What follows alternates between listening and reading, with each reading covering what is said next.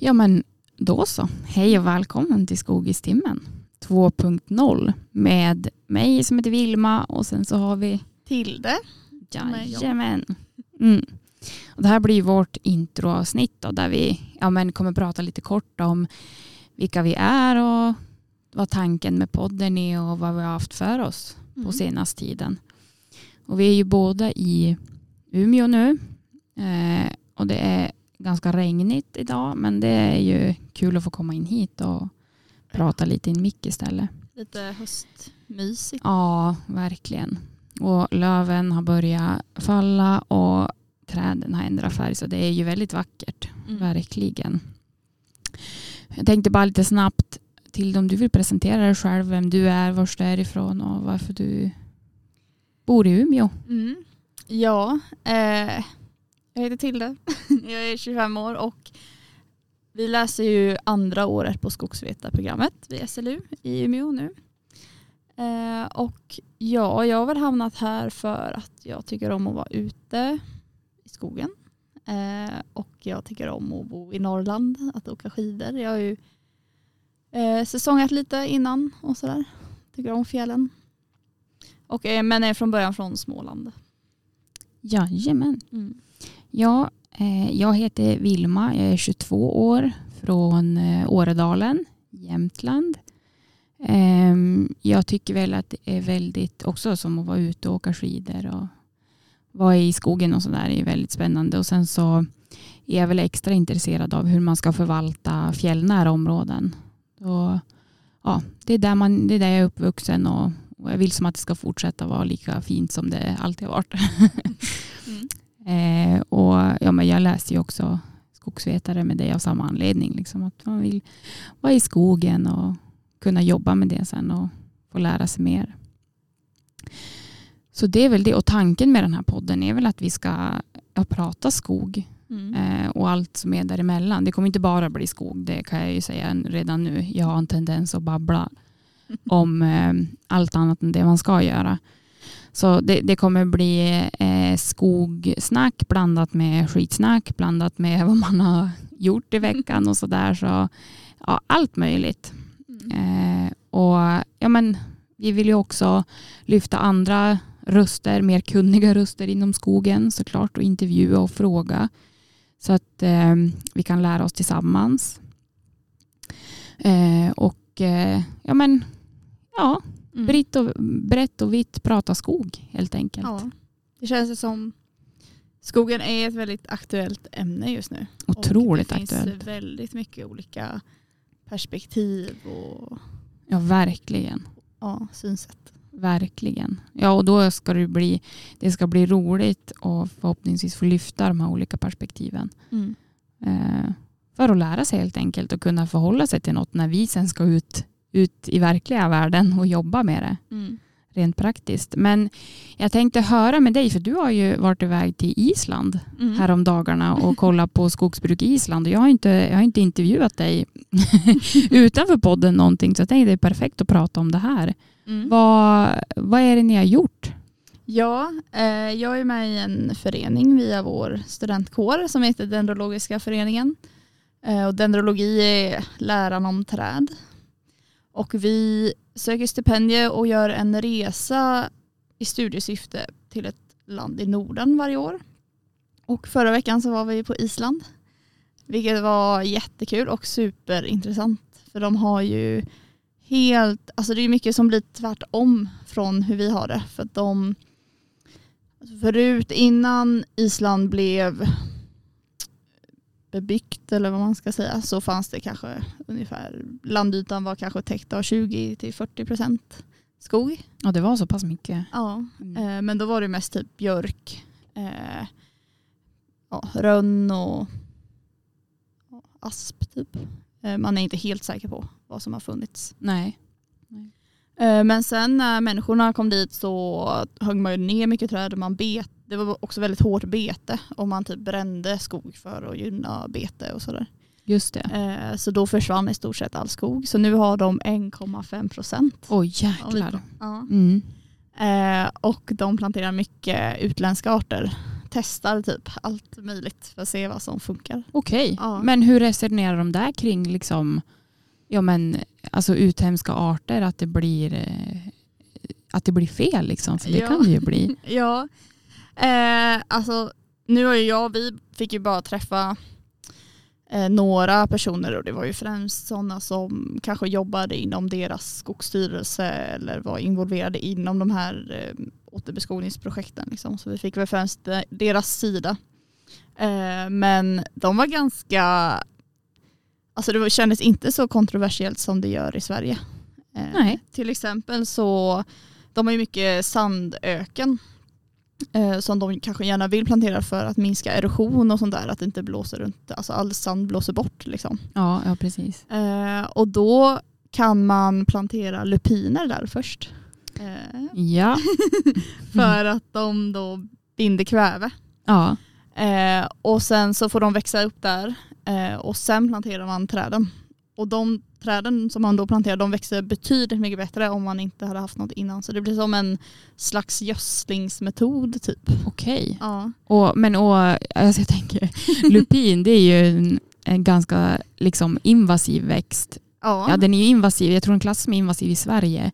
Sen vet jag inte hur det är på Island. Men eh, har de resonerat de kring hur de skulle göra sen då? För den där kommer ju sprida sig.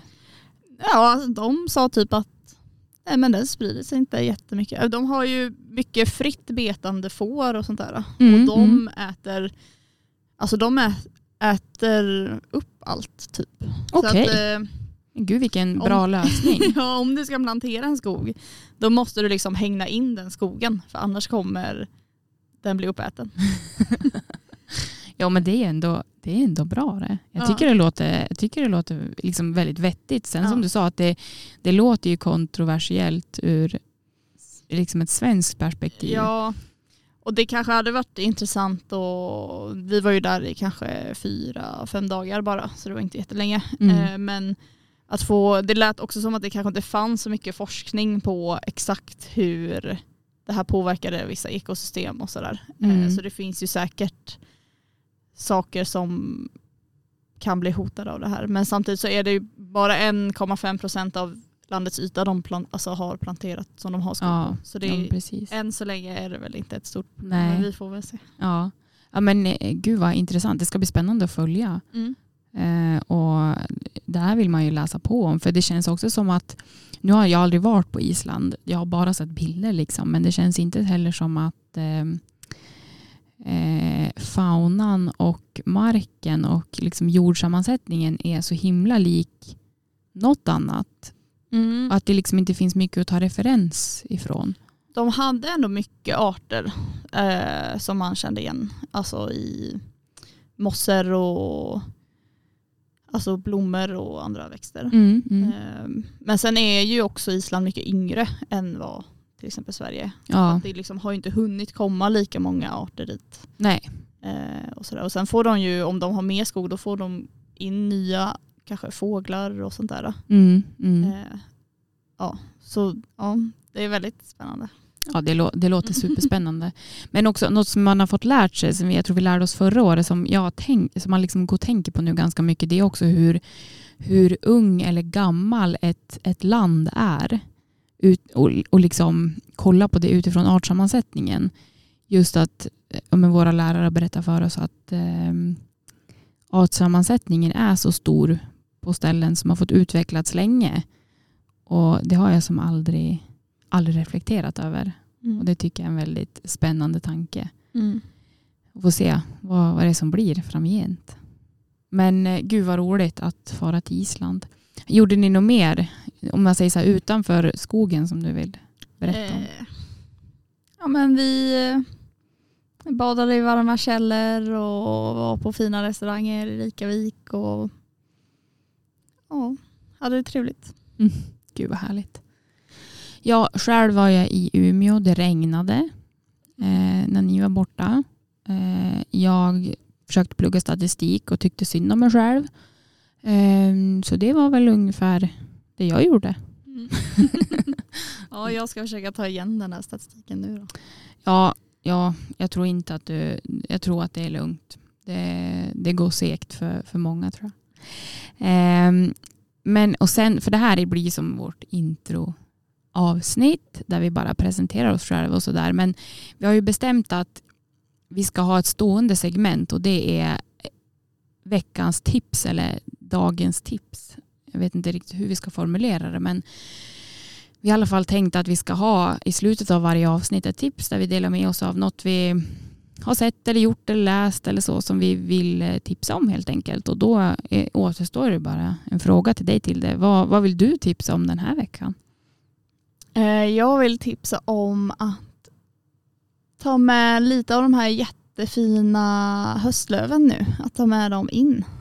Jag håller på att torka löv som jag ska hänga upp i mitt fönster. Mm. Njuta av hösten. Ja. ja. Det lät jättemysigt. Hänger du upp dem som i, i snören då och dekorerar med? Ja, jag tänkte det. Men man kan ju också bara sätta i en liten kruka eller sådär. Ja. ja. Spännande. Jag vill tipsa om en bok som heter Vi for åt skogen som fåglarna. Skriven av Anita Scherman.